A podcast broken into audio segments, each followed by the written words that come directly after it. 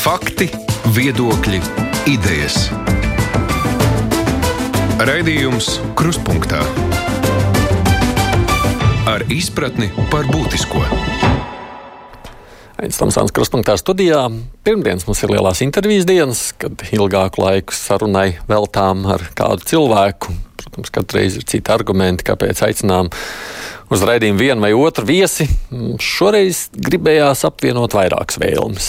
Ļauties gan mazliet tādam apcerīgākam svētku noskaņojumam, gan runāt par ārkārtējo visa gada garumā, nu, arī pieskarties tam aktuālajam, kas ir aizsīs diskusijas sabiedrībā.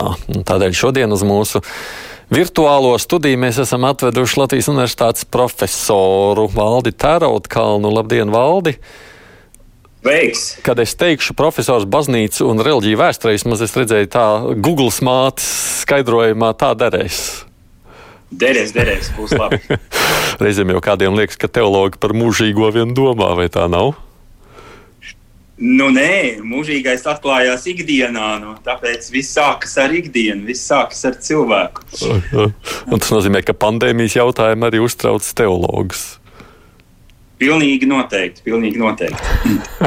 Bet cilvēki jau ļoti dažādi reaģē uz visām situācijām, kādas ir. Un pandēmija mums ir rādījusi, ka tā reakcija arī Latvijā ir ārkārtīgi dažāda uz vienu un to pašu notiekošo.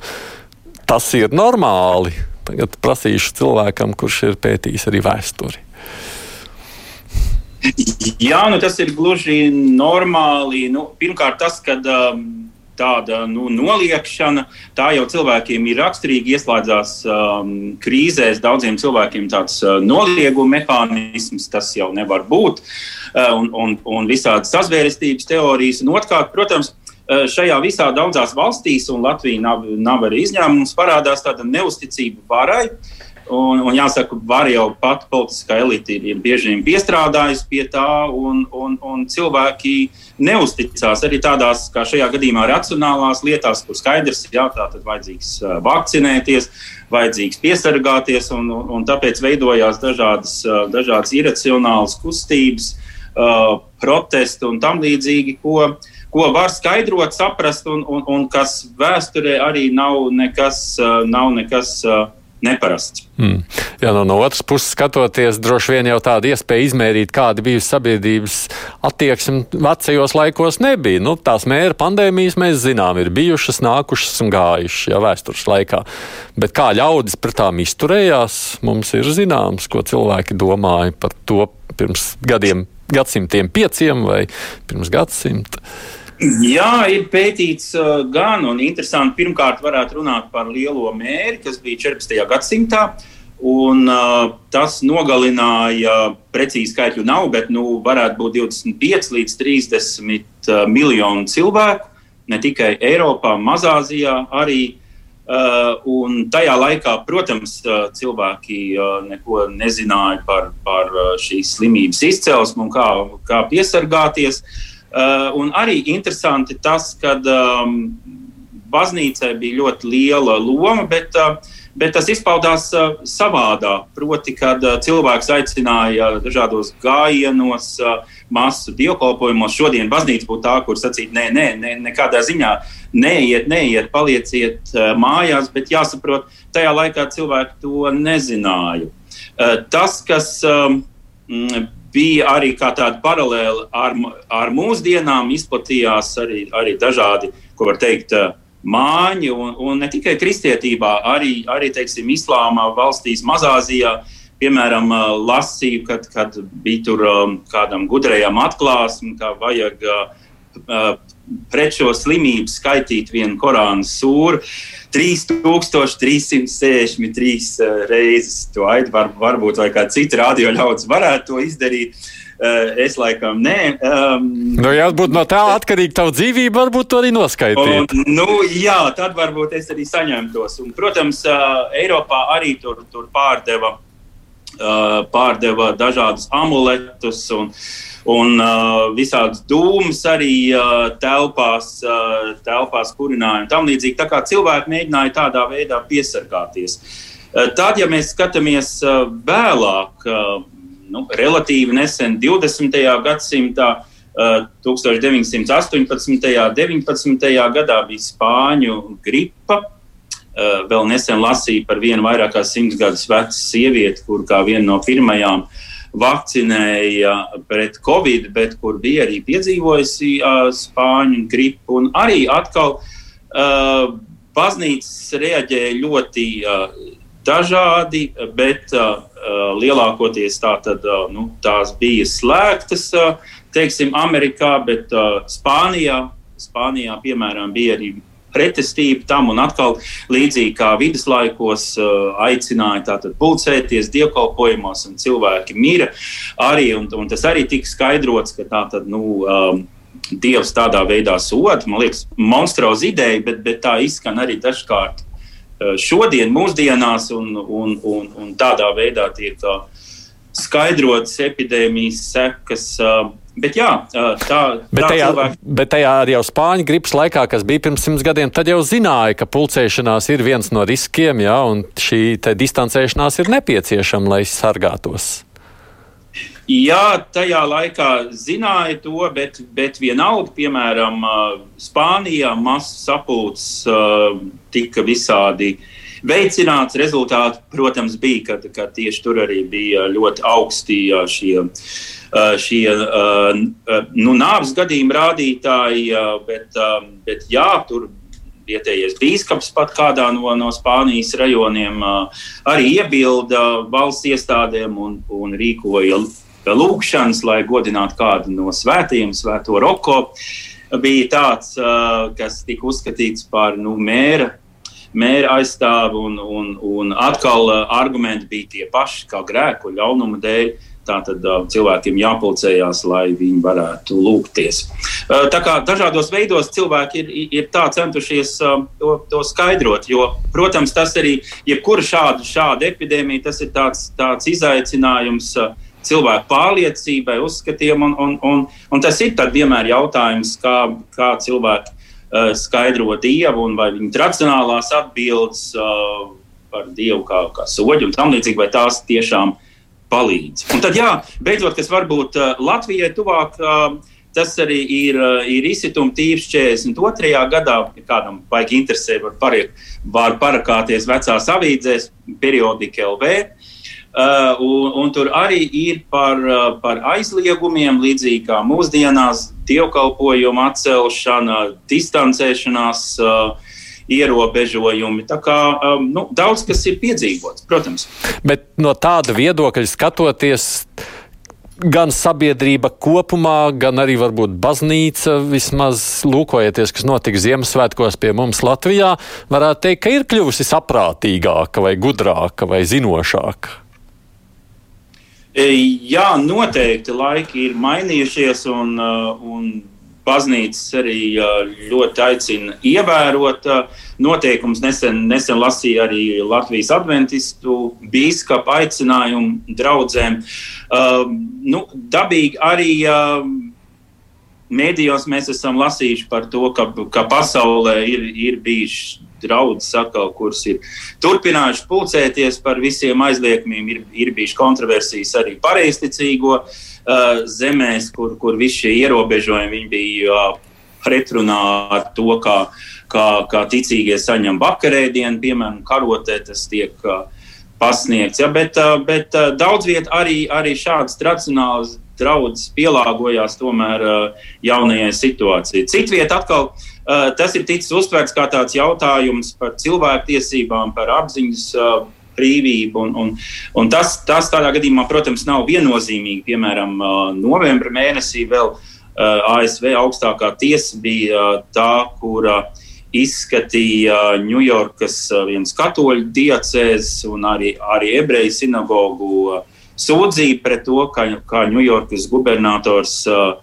ievies uh, distancēšanās, dažādas ierobežojumus. Ņujorka ir sadalīta zonās, ja, un tie ierobežojumi atkarīgi no tā, kādā zonā draudzes atkarīgi. Un, un arī interesanti, ka augstākā tiesa nolēma par labu uh, sūdzības iesniedzējiem, proti, tika uzskatīts, ka kad, uh, šeit ir pārkāpta šī, šī reliģijas brīvību. Un arī interesanti viens no argumentiem bija, bija kā pret reliģiskām organizācijām iztur stingrāk kā piemēram veikaliem, jo Ņujorkā tur izrādās arī alkoholu varēja iegādāties, bet nu, tā tad gubernators bija, uh, bija, bija uzlicis stingrus ierobežojumus dievkalpojumiem. Arī tā, bet jebkurā ja gadījumā arī šeit jau parādās, ka tā ir tāda pelēkā zona, kas nav viennozīmīga un tie bieži vien ir tādi nu, politiski lēmumi, jo tā pati tiesa, bet nedaudz citā tiesneša sastāvā gadu iepriekš viņa līdzīgas sūdzības noraidīja. Ja? Tā kā, tā kā, protams, skaidrs, ka mums to, to nevajag neko no šī uzlūkot kā tādu absolūti aplūkot to kontekstā.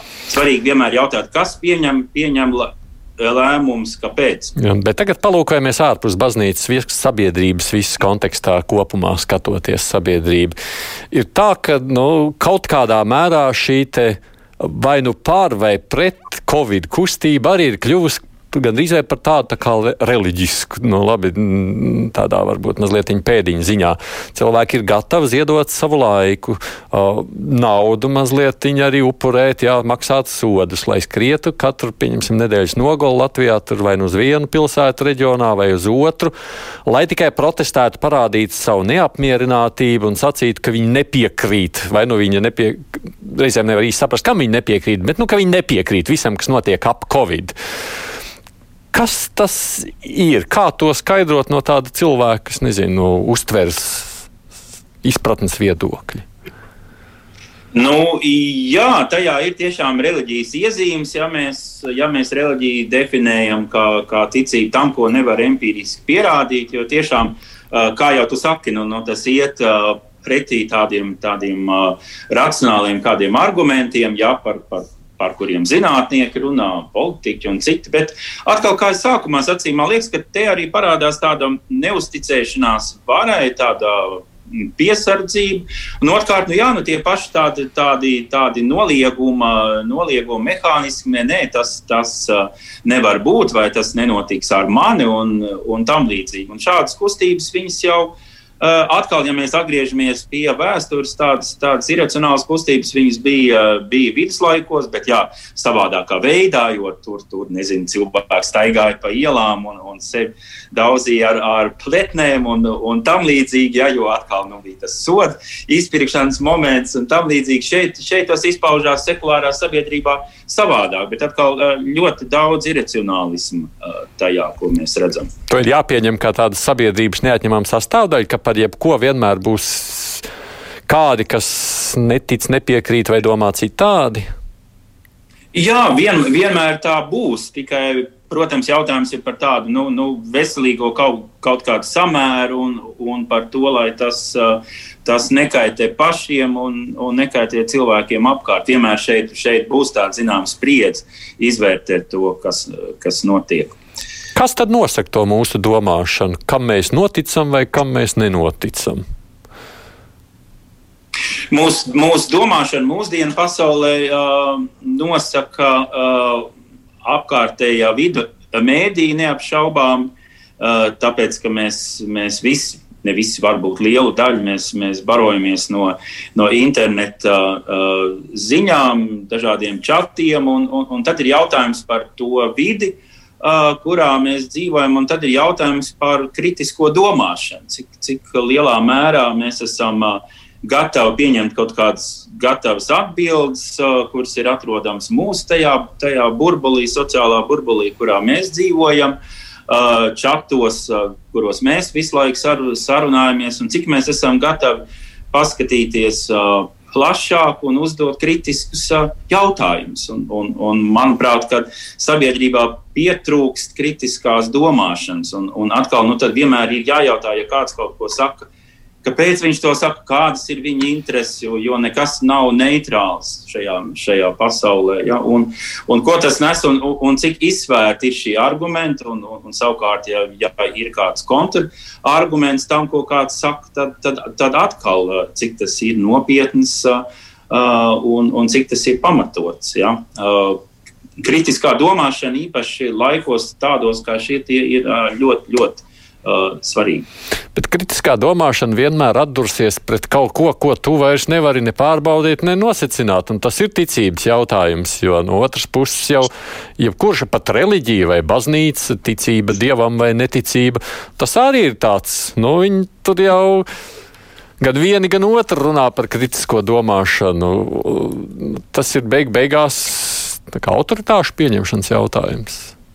Jā, bez šaubām, bet, bet šajā gadījumā tiešām nu, tas jau ir, kā tu saki, autoritāšu pieņemšanas jautājums. Un, un, un ja dažādās valstīs, dažādās sabiedrībās uh, tiek runāts piemēram par to pašu vakcīnu nepieciešamību un, un, un drošumu un tam līdzīgi, nu, tad, tad personīgi man um, nebūtu tādu, tādu iemeslu to apšaubīt. Uh, par spīti kaut kādiem blakus efektiem, okay, kas, kas teiksim, jebkuras vakcīnas gadījumā ir. Ja? Bet tas atkal ir tāds cilvēku izšķiršanās jautājums. Nu, uh, kas ir, kas ir svarīgi un, un kam es uzticos un kam nē.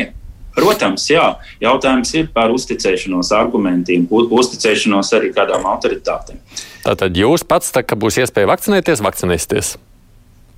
Jā, noteikti. Jā, tāpēc kā uzticaties, ka tie, kas strādāja, to izdarīja godprātīgi?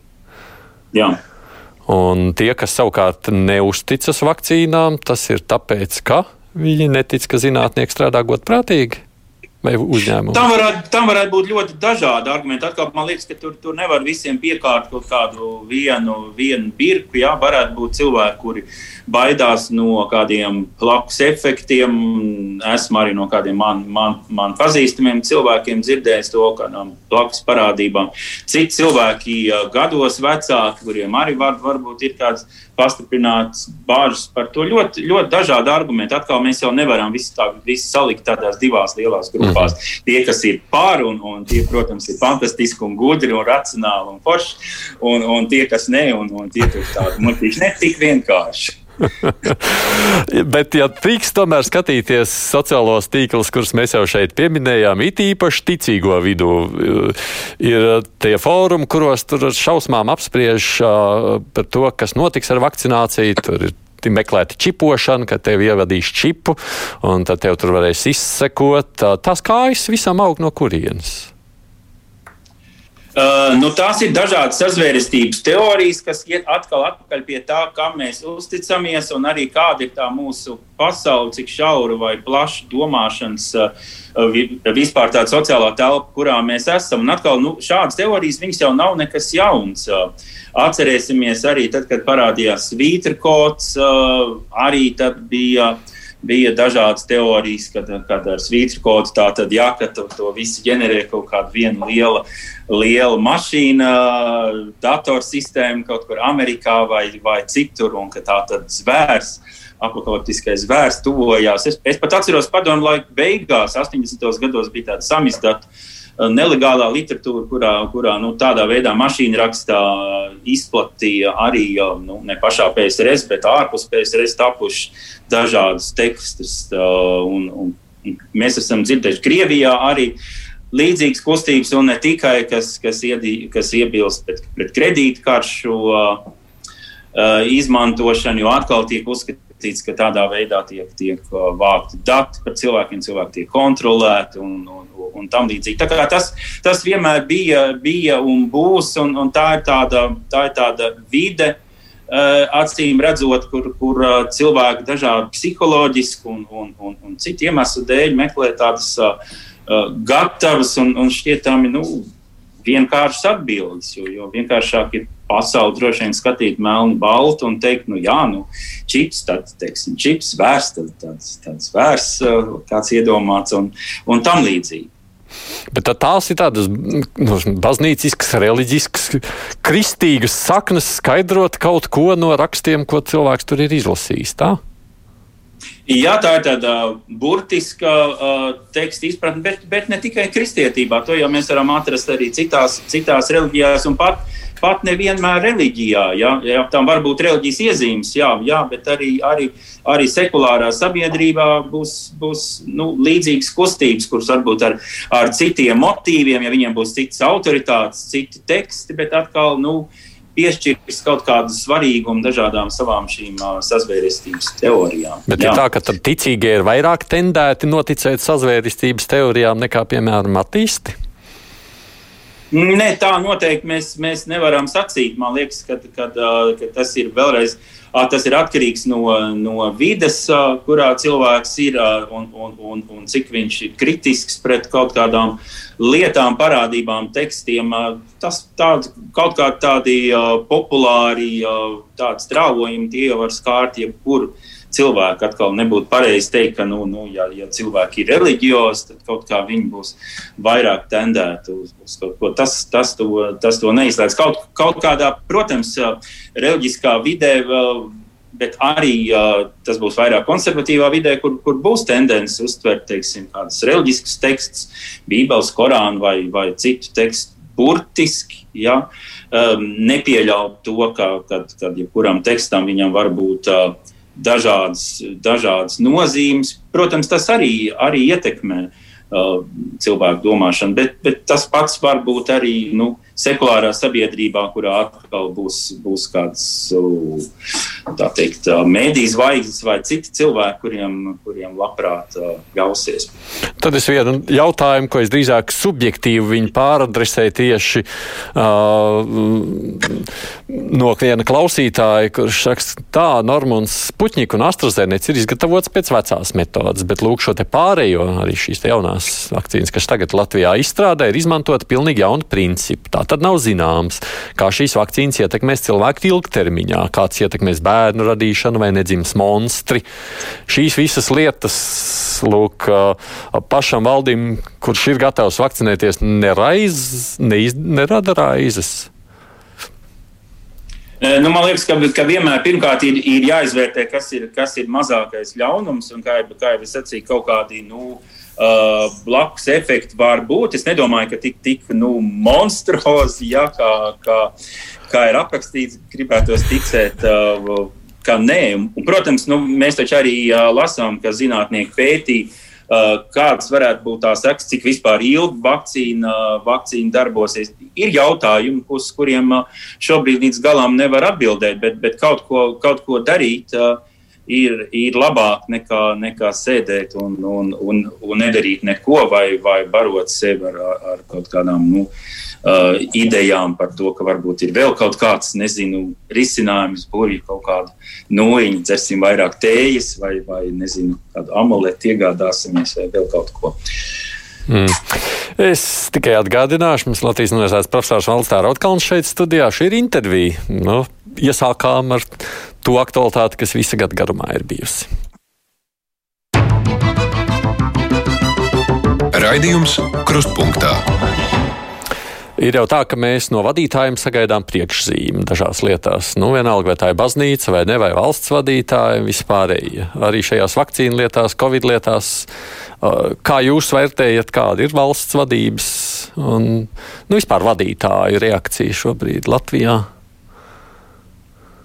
Uh, nu, mēs, mēs redzam, ka uh, daudz tiek darīts, lai, lai uh, varētu situāciju kontrolēt. Ir pilnīgi skaidrs, ka tāpat kā citās valstīs, nu, tā situācija ir smaga un, un slimnīcas ir, ir, ir piepildīts aizvien vairāk ar pacientiem un tam līdzīgi. Un viss varbūt uh, līdz galam precīzi kontrolēt nevar. Ar to vienmēr šāda pandēmija laikos ir, uh, ir, ir jārēķinās, bet man liekas, ka, ka ļoti. Uh, ļoti daudz kas tiek, tiek darīts, un, un, un kopumā, protams, nu, es, es vērtētu pozitīvi to, kas notiek ne tikai Latvijā, arī, arī kopumā Eiropas Savienībā. Un, protams, ir, ir jautājumi, kas tālāk un kas būs pēc šīs krīzes, un, un tie jautājumi politiķiem ir, ir vai, vai, vai nākotnē, vai, vai mums nebūtu jādomā par to, ka novirzīt tiešām vairāk finanšu līdzekļu, lai, uh, lai uh, varētu uh, ārstēt šādas, šādas uh, slimības, radīt jaunas, jaunas vakcīnas. Tas varbūt būtu būt svarīgāk, kā iegādāties vēl vienu lietotu tanku vai, vai, vai runāt par augstākajām kategorijās, uh, uh, par rietumu austrumu konfliktiem un tam līdzīgi. Uh, uzkurināt militārismu un tam līdzīgi daudz, kas, kas, kas arī ir, ir, ir bijis vērojams politikā pēdējos gados, bet, bet tie ir jautājumi, uz kuriem tikai nu, ilgtermiņā uh, mēs uh, varēsim atbildēt.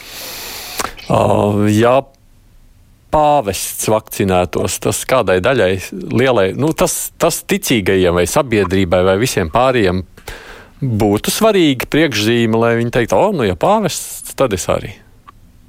Droši vien, jo, jo mēs redzam, ka arī, arī politiski līderi viņi, viņi tur uh, vakcinējas un, un, un, un Saudarābijas uh, kroņprincis un, un, un, un uh, arī Amerikas uh, jaunie, jaunievēlētais prezidents un tam līdzīgi. Droši vien, un pāvests jau arī ir izteicies, ka viņš atbalsta vakcināciju un, un, un ka uh, no, no, no katoļu baznīcas viedokļa, ja, kad, kad nav, nav nekāda problēma ar to.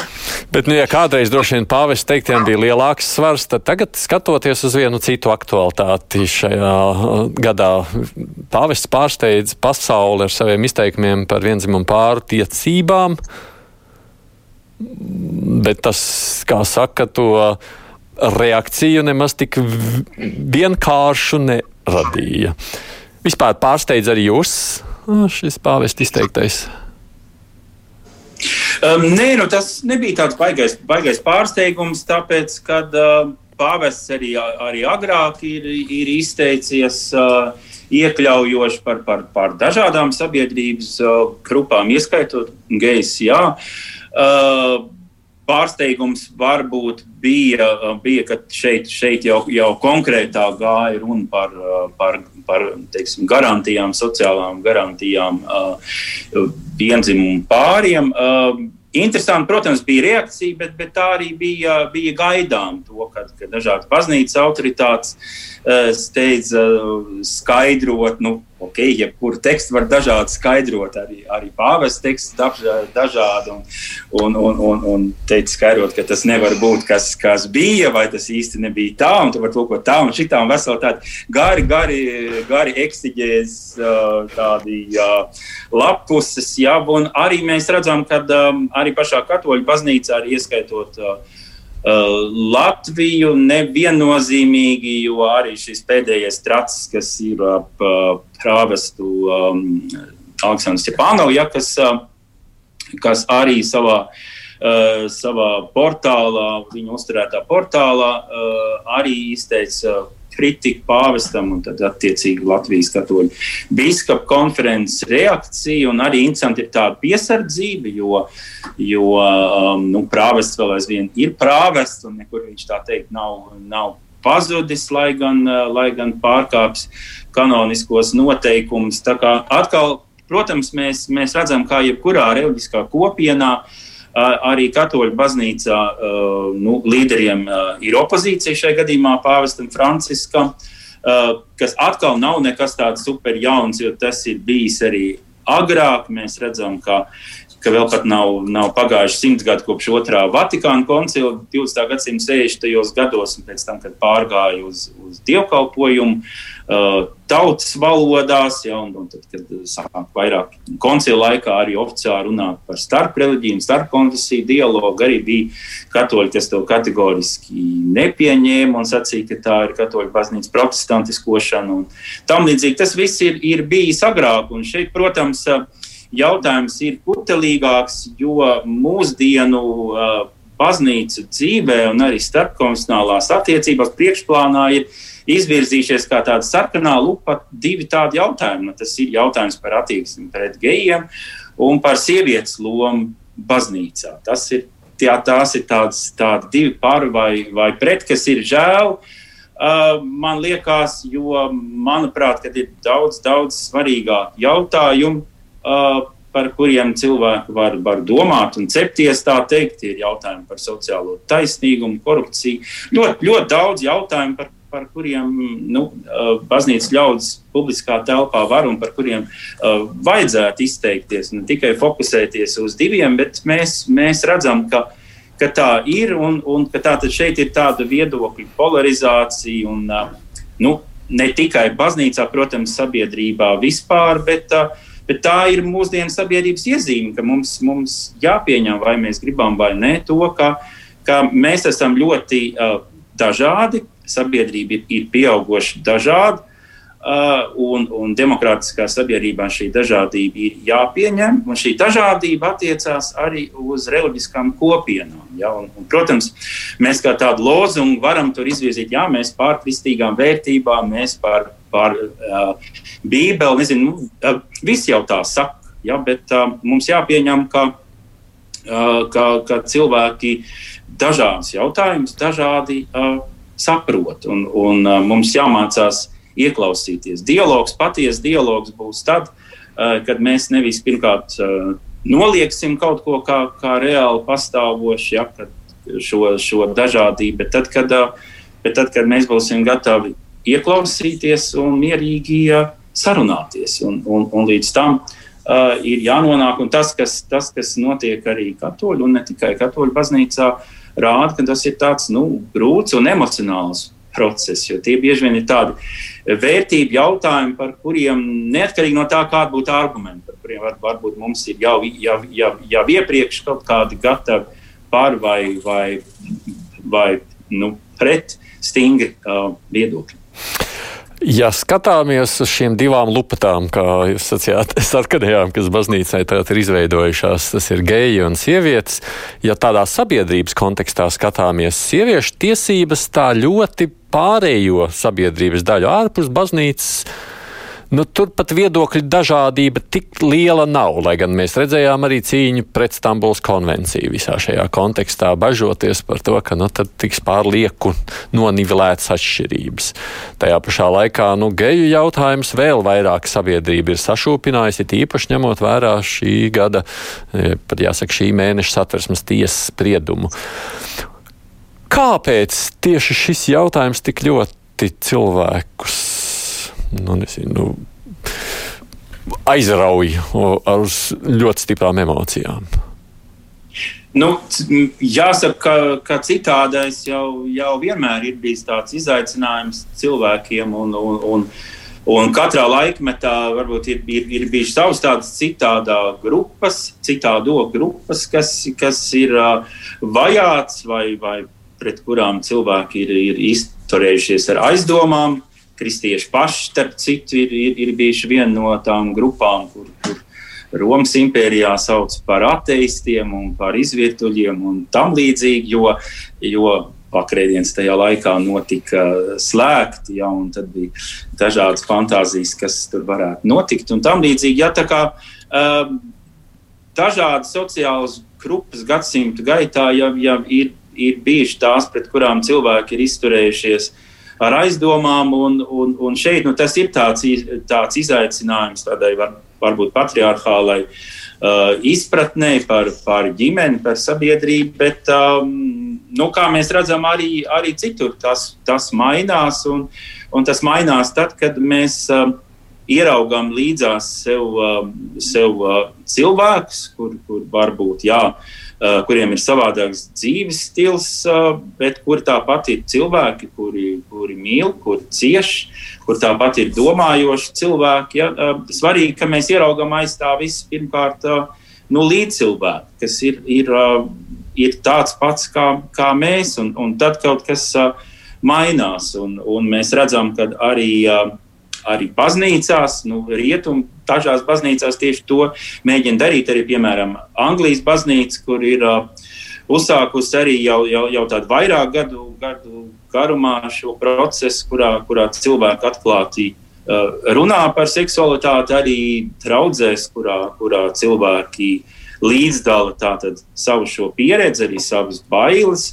Uh, arī, arī savu dzīves stilu, tas vairs nav tāds nu, tabu jautājums, vai arī nu, tas nav tāds jautājums, kur jā vai nē, atgrūst vai pieņem tikai tādas nu, gatavas standarta, standarta atbildes. Ja, tas ir process, un, un, un tas nenotiek vienā dienā. Šis satvērsmes tiesas lēmums tas bija, tas bija nozīmīgs, manuprāt, jo lai ko atsevišķi cilvēki var, var domāt, bet tā tad sabiedrībā Uh, aizvien vairāk ir, ir cilvēki, kuri nedzīvo tradicionālā ģimenē. Ja ar tradicionālu ģimeni mēs, mēs domājam, nu, teiksim, laulāt uh, vīru un sievu, ja, tad daudz cilvēki um, dzīvo um, nu, nereģistrētās attiecībās un, un, un neiet runa šeit tikai par gejiem. Ja, tā tad uh, sociālā aizsardzība, kāda sociālās garantijas cilvēkiem ir, uh, tas ir ļoti svarīgs. Uh, jautājums. Un, uh, un, uh, tāpēc tiesas lēmums bija būtisks, un, un tas skar, man liekas, uh, visu sabiedrību. Un interesanti jau arī, kad, kad katoļu baznīcas arhibīskaps Stankēvičs nāca ar šo priekšlikumu. Ja, tā tad nemainot neko satversmē šajos tradicionālos uzstādījumos par ģimeni, ka tā tad ir, ir, ir iespējams nu, tiesiski arī sniegt nodrošinājumu dažādām tātad, cilvēku grupām. Tur arī, arī viņš, viņš, viņš pieminēja kaut vai tādas reliģiskās kongregācijās, mūkoteņus. Dzīvojošs cilvēks, pirmsim, ja, kas arī tātad, par ko var, varbūt bieži vien nu, paznīt cilvēki neiedomāsies, bet, bet kur arī tāpat var būt kādā dzīves brīdī situācija, kurā ir, ir vajadzīgas kādas garantijas, ja, lai, lai, teiksim, varētu kaut vai uh, smagu slimības gadījumā apmeklēt uh, cilvēku slimnīcā, otru cilvēku, jā, un, un kā mēs zinām, tā ir data aizsardzība un, un daudz kas, kas to ierobežo. Tā kā tie ir tādi ļoti, ļoti būtiski jautājumi, uz kuriem ir, man liekas, svarīgi paraudzīties ne, ne emocionāli, uzreiz noliedzoši, bet, bet saprast, kā tas veidojās un ka to, ka, ka, ka cilvēku izpratni par ģimeni, par seksualitāti, viņa mainās, viņi mainās gadsimtu gaitā, un arī kristietībā pašā tā ir gadsimtu gaitā mainījusies. Pirmajos gadsimtos, teiksim, aprecēt vai pat, vai pat kristīt vergu, ja, kādās traudzēs, kā mēs varam saprast, tas, tas nebija ļauts, tas, tas netika uzskatīts par pieņemamu. Ja. Pirmās laulību liturģijas vispār parādījās kaut kādā 8. gadsimtā, liekas, tikai. Ja, tas ir tāds pamazām tas, tas process, pie kur pienāca pie tās tradicionālās ģimenes izpratnes, kāda ir, ir um, bijusi. Nu, Vismaz līdz mūsdienām, un, un tas nav kaut kāds tāds gatavs, mūžīgs lielums, ar ko sabiedrība ir vienmēr dzīvojusi. Bet mums jārunā kā jebkurā no šiem modeļiem, kā mēs varam īstenot tās pašas vērtības, kas visiem. Paspētrai visiem cilvēkiem ir svarīgi. Vai... Tas mēs vēlamies būt pieņemti un arī nu, mīlēti. Ja? Vai tas nozīmē, ka viena daļa no problēmas varbūt cilvēks vai sabiedrības tādās savstarpējās attiecībās ir tā, ka mēs nezinām bieži vien vēsturi un tāpēc veidojam priekšstats, kas mums ir greizi? Um, nu, ne tikai. Atkal tas, tas nav tik racionāli, jo tad jau būtu, būtu labi. Mēs tagad rīkot tādas vēstures stundas, un universitātē mēs, mēs rīkot kursus baznīcas vēsturē. Super ideja, man jau patīk, bet es nedomāju, ka tas pats par sevi uh, maina. Uh, tos procesus, kas notiek cilvēkos, jo bieži vien mums pašiem varētu būt kādas, kādas bailes no citādām, tad jājautā, uh, kāpēc. Um, bieži vien tātad tie, tie cēloņi var, var, būt, var būt psiholoģiski. Nu, ja mēs sakām, ka tas ir vienā mērā jautājums no cilvēka lielākās daļas, ja vairums spēja norēģēt uz mazākumu, nu, kaut kādās jomās jau katrs no mums kādā brīdī arī nonāk mazākumā vismaz šajā ģimenes un geju jautājumā, pieņemsim, mēs esam tajā vairākuma daļā, tāpēc, ka nu, man ir sieva, bērni, es pārstāvu to tradicionālo sadaļu, jo nu, tāds es esmu.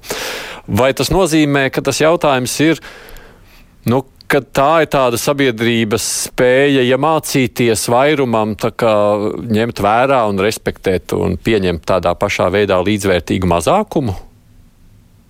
Domāju, ka jā, tu, tu ļoti interesanti to pateici. Man pašam arī ir bijis izjūta, nezinu, teiksim, esmu bijis gan Āfrikā, gan Indijā.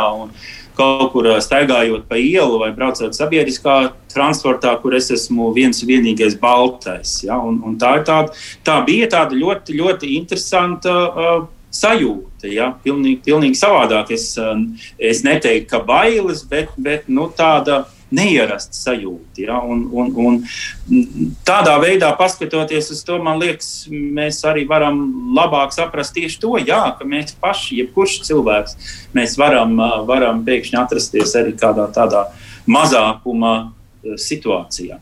Mm. Es nolasīšu tikai neatgriežoties tik daudz vairs atpakaļ pie šīs tēmas, bet mums Petersons kundze raksta, būtu laikam dieva brīnums, ja Latvijas radio intervētu vakcīnu skeptiķi. Mums iznāk visu laiku vienos vārtos, kur tad paliek tas mediju pamatprincips, dažādi viedokļi. Nu, lūk, un ja pieņemsim vakcīnu pretinieki ir mazākums, nu, tad viņu, mums ir jāmācās viņus pieņemt, vai ne? Un respektēt. nu, tas ir jautājums radiolauciņā. Ja jūs, protams, varat uzaicināt vakcīnu skeptiķu, kā, kāpēc gan nē, un uzaicināt kādu galveno infektologu, tas ir jūsu lauciņš. bet es mazliet vēl, es, protams, negribēju tik vien par baznīcu runāt, bet tomēr skatoties tajās divām lupatām, sabiedrība un baznīca. Kāpēc baznīca tiešām zaudēja Eiropā to savu vadošo lomu? Tā tas nu, šķiet notiek. Varbūt tieši tāpēc, ka tā nespēja atsaukties tās sabiedrības vajadzībām. Mēs raizējamies par lietām, par kurām baznīca raizējas, par lietām, par kurām vairs sabiedrības neraizējas. Vai sabiedrībai citas aktualitātes? Tam ir daudz un, tam ir eh, daudz un dažādi iemesli. Um, un, un viens varētu būt, būt no tiem, uh, kā tu uzsaki, ka, ka, ka baznīca uzdod jautājumus, kurus vairums cilvēku vairs, vairs neuzdod. Ja? Citos gadījumos tas varētu būt jautājums par, par formu, ja? varbūt dievkalpojuma stils ir tāds, kas, kas cilvēkus neuzrunā, bet atkal tā nebūs viennozīmīga atbilde, jo, jo būs cilvēki, kuriem patīk kaut kas arhaisks, un būs cilvēki, kuriem patīk kaut kas super, super moderns. Ja? Uh, arī, arī dažādas krīzes, katastrofas, kuras ir, ir piedzīvojusi uh, sabiedrība Eiropā, vai tas būtu holokausts, vai, vai tie būtu kari, vai mūsdienās Covid. Ja? Uh, nu, šīs krīzes arī ir tādi izaicinājumi tradicionāliem cilvēku uzskatiem un, un, un jautājums teologiem, tad, uh, kur ir Dievs tajā visā, un, un, un ja mēs paliekam tikai pie tādām ierastām atbildēm, tad atkal nu, uh, skaidrs, ka, ka viņas ir tās, kas um, nevar, um, kas vairāk neapmierina cilvēkus, bet, bet pamat jautājums jau ir kādā mērā uh, draudzes ir iekļaujošs, ja, uh, jo, jo cilvēki um, 60. gados bija tāds radikāls anglikāņu biskups. Uh, Robinsons sacīja, ka cilvēki jau vairs nemeklē žēlsirdīgo dievu, viņi, viņi uh, meklē žēlsirdīgu kaimiņu. Ja? Cilvēki, cilvēki meklē kopienu, kas viņus pieņem. Man liekas, ka aug tās draudzes, kas ir, kas ir pieņemošas, kas ir atvērtas un, un kur cilvēki kopā um, meklē uh, atbildes uz, uz kādiem viņu dzīvē svarīgiem jautājumiem, un, un kurā viņi neuzskata kristietību vai kādu citu reliģiju par kā tādu noslēgtu sistēmu, kurā mēs vienkārši atšķiram kādu tekstu lapusi vai, vai, vai, vai vēl kādā veidā sakam, nu jā, te ir atbilde. Pieņem to un ar, ar to dzīvo, kurā mēs meklējam kopā. Un, un, un, un, uh, katrā laikmetā var būt nedaudz uh, vai pat stipri savādāk uz kādām vietām paraugīt. Tā nepieciešamība pēc garīguma ir un būs. Sabiedrībā. Jā, to jau rāda arī aptaujas, un, un garīgums tas jau ir tāds populārs uh, vārds arī. Nu, tajā, tas arī tāds nezāles vārds, jo, jo cilvēki ieliek tajā jebkādu saturu. Tas arī ir komerciāls jēdziens. Nu, Tātad cilvēki ir gatavi maksāt naudu par, par to, lai viņiem dotu garīgumu vēlams ārti. Uh, ātri un vēlams, lai to sniegtu kāds sabiedrībā pazīstams cilvēks, un tad jau būs, būs labi. Šeit ir arī dažādi tādas blakus parādības, bet tas rāda, jā, ka, ka kamēr vien, vien cilvēks pastāvēs, kamēr vien būs cilvēks, tā, tā cilvēks mēģinās apdzīvot šo viņam bieži vien nedraudzīgo pasauli, un, un tādā arī mēs šobrīd dzīvojam, kā jau krīzes laikā, un, un tad nu, tādi reliģiski jautājumi, um, nu, viņi, viņi būs ļoti ļoti būtiski. Jā. Tajā pašā laikā Eiropas kontekstā mēs redzam šogad, ne tikai šogad, bet nu, arī šajā gadā tas nebija izņēmums. It īpaši lūkojoties uz Franciju, ka tur jau tā spriedze veidojās arī nākot klāt jaunai reliģijai, kas nu nav jauna, bet nu, kultūrā jauna vienai daļai. Tas ir stāsts par islāmu. Cik šis varētu būt nākotnes Latvijas izaicinājums, kas kļūst par vēl vienu, es nezinu, vai lupatu, bet nu, tādu, kas sabiedrību tracina vai šķeļ? Tas ir atkarīgs no, no migrācijas procesiem, un, un pagaidām tas, tas Latvijā nav aktuāls jautājums nākotnē iespējams. Un atkal Nu, mēs jau redzam, Francijas gadījumā nu, nu, ir svarīgi izvairīties no tādām galējībām. Ja? Viena, viena galējība būtu, būtu uzskatīt visus islāma ticīgos par, par, par radikāļiem, un, un tas tā nav. Uh, un otra būtu ignorēt uh, problēmas, kas ir ar, ar, ar radikālo islāmu, bet tā droši vien būtu būt vesela atsevišķa saruna, kur, kur varētu veltīt šādai tēmai. Bet, bet tā, ir, tā ir aktuāla tēma Eiropā. Nu, kas nozīmē, ka no otras puses ir jau arī cilvēki, kas atrod islāmā nu, kaut kādu atbildes uz saviem jautājumiem. Mēs zinām, ka Eiropā šī konvertēšanās no kristietības islāmā ir diezgan aktuāla tēma. Vismaz iepriekš bija pilnīgi noteikti. Ar to arī sabiedrībai ir jāpieņem vai jārēķinās un jāmācās uz to skatīties nezinu, tikpat toleranti kā uz dažām citām lietām, par ko mēs tikko runājām. Jā, tas ir tādā pašā mērā jāpieņem. Un Protams, no, no šeit ir arī Latvijā. Mēs esam to redzējuši, ka konvertīti var, var būt dažkārt varētu būt nu, radikālāki ne, nekā tie, kas jau sen ir bijuši kādā vienā vai, vai citā, citā reliģijā. Arī, arī tas ir um, nerekti fakts, bet, bet jā, tās ir, tās ir cilvēku tiesības izvēlēties viņam viņam pieņemama reliģija, un, un tas ir tas, ko mēs, uh, mēs redzam. Un, un, un šajā ziņā nu, islāms nav, nav nekāds svešķermenis, ja, bet tā ir reliģija, kas ir bijusi šeit arī agrāk un kas ir uz palikšanu, un kas ir, ir viena daļa, kas ir, kas ir viena no Eiropā, uh, arī Latvijā sastopamām, sastopamām reliģijām. Jā.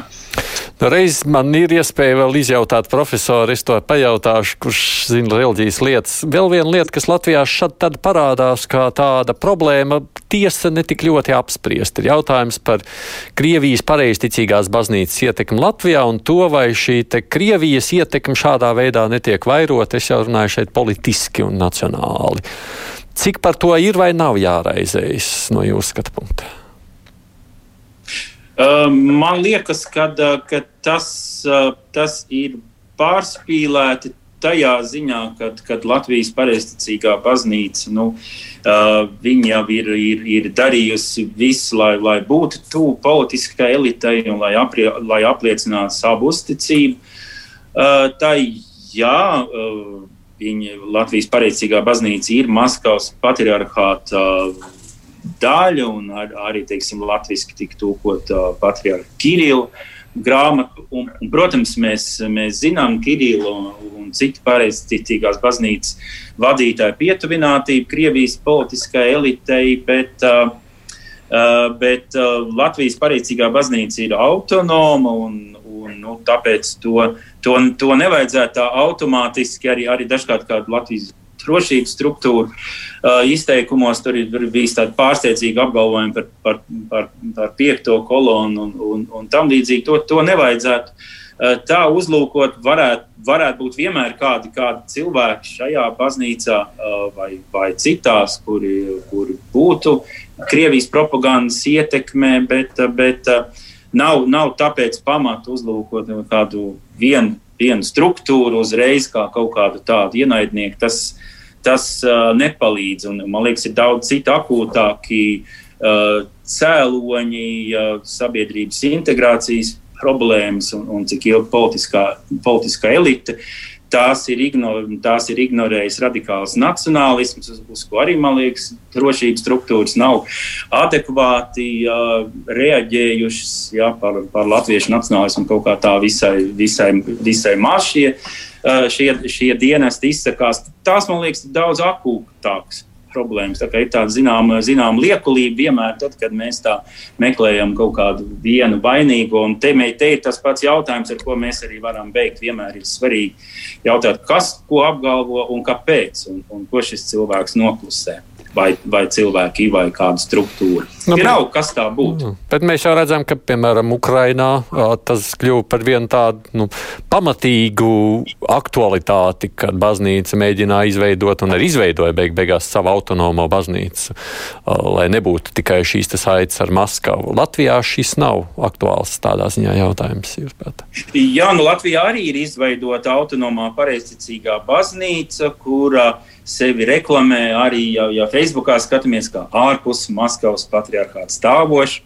Uh, un, un viņi arī saka, ka viņi piesauc Konstant Konstantinopolis patriārhu lūgšanās, bet viņi nav. Uh, atšķirībā no, teiksim, Igaunijas vai arī Ukrainas, viņi nav Konstantinopolis patriarchāta atzīti, un, un viņi arī ļoti mazskaitliski ja, nedaudz vairāk par tūkstotu, kā to rāda oficiālā statistika. Tā kā Latvija šo situāciju nevar, nevar salīdzināt ar Igauniju vai, vai Ukrainu, jo uh, acīm redzami nu, nu šeit, šeit mazāk bija šo opozicionāru, šo, šo cilvēku, kas vēlētos veidot uh, alternatīvu pareizticīgo baznīcu. Pati Latvijas pareizticīgā baznīca nu, vienmēr centās aizkavēt šo procesu, sakot, ka tas būtu kaut kāds draudz drošībai nu, nekāds draudz tas nav. Mēs redzam, ka ir izveidojusies otra baznīca, un nekas šausmīgs noticis nav, un var vēl būt trešā un ceturtā, un arī nekas šausmīgs nenotiks. Bet nu, tās ir tādas. Nu, konfesiju iekšējās lietas un attiecības, kurā, protams, katrs centīsies nostiprināt savas, savas pozīcijas. Tas skaidrs. Mums ir viena minūte. Kā izskatās, kas būs nākošā gada izaicinājumi, ar kuriem mēs cīnīsimies? Tagad praviešu dāvana prasa. Uh, nu, man liekas, Covid bija un paliks izaicinājums visam, visam gadam. Ja mēs skatāmies vakcinācijas kalendāru iespējamo, ar to mums būs, ar to mums būs jādzīvo un ekonomiskās sekas šai krīzē tas ir tas ir vēl viens, vēl viens jautājums, par ko mēs varbūt šobrīd necenšamies domāt, bet, bet kas, kas, jā, kas, kas būs aktualitāte. Jā, un par ekonomiskām lietām un sekām noteikti mēs arī runāsim nākošajā gadā krustpunktā. Es domāju, nevienu raidījumu vien. Latvijas Universitātes profesors Baznīcas reliģija vēsturē Valdes Tērautkauns. Paldies par iesaistīšanos mūsu šīs dienas raidījuma tapšanā. Bet krustpunktā šodien līdz ar to izskan producente Evija Nāma studijā bija es Aidis Tomsons.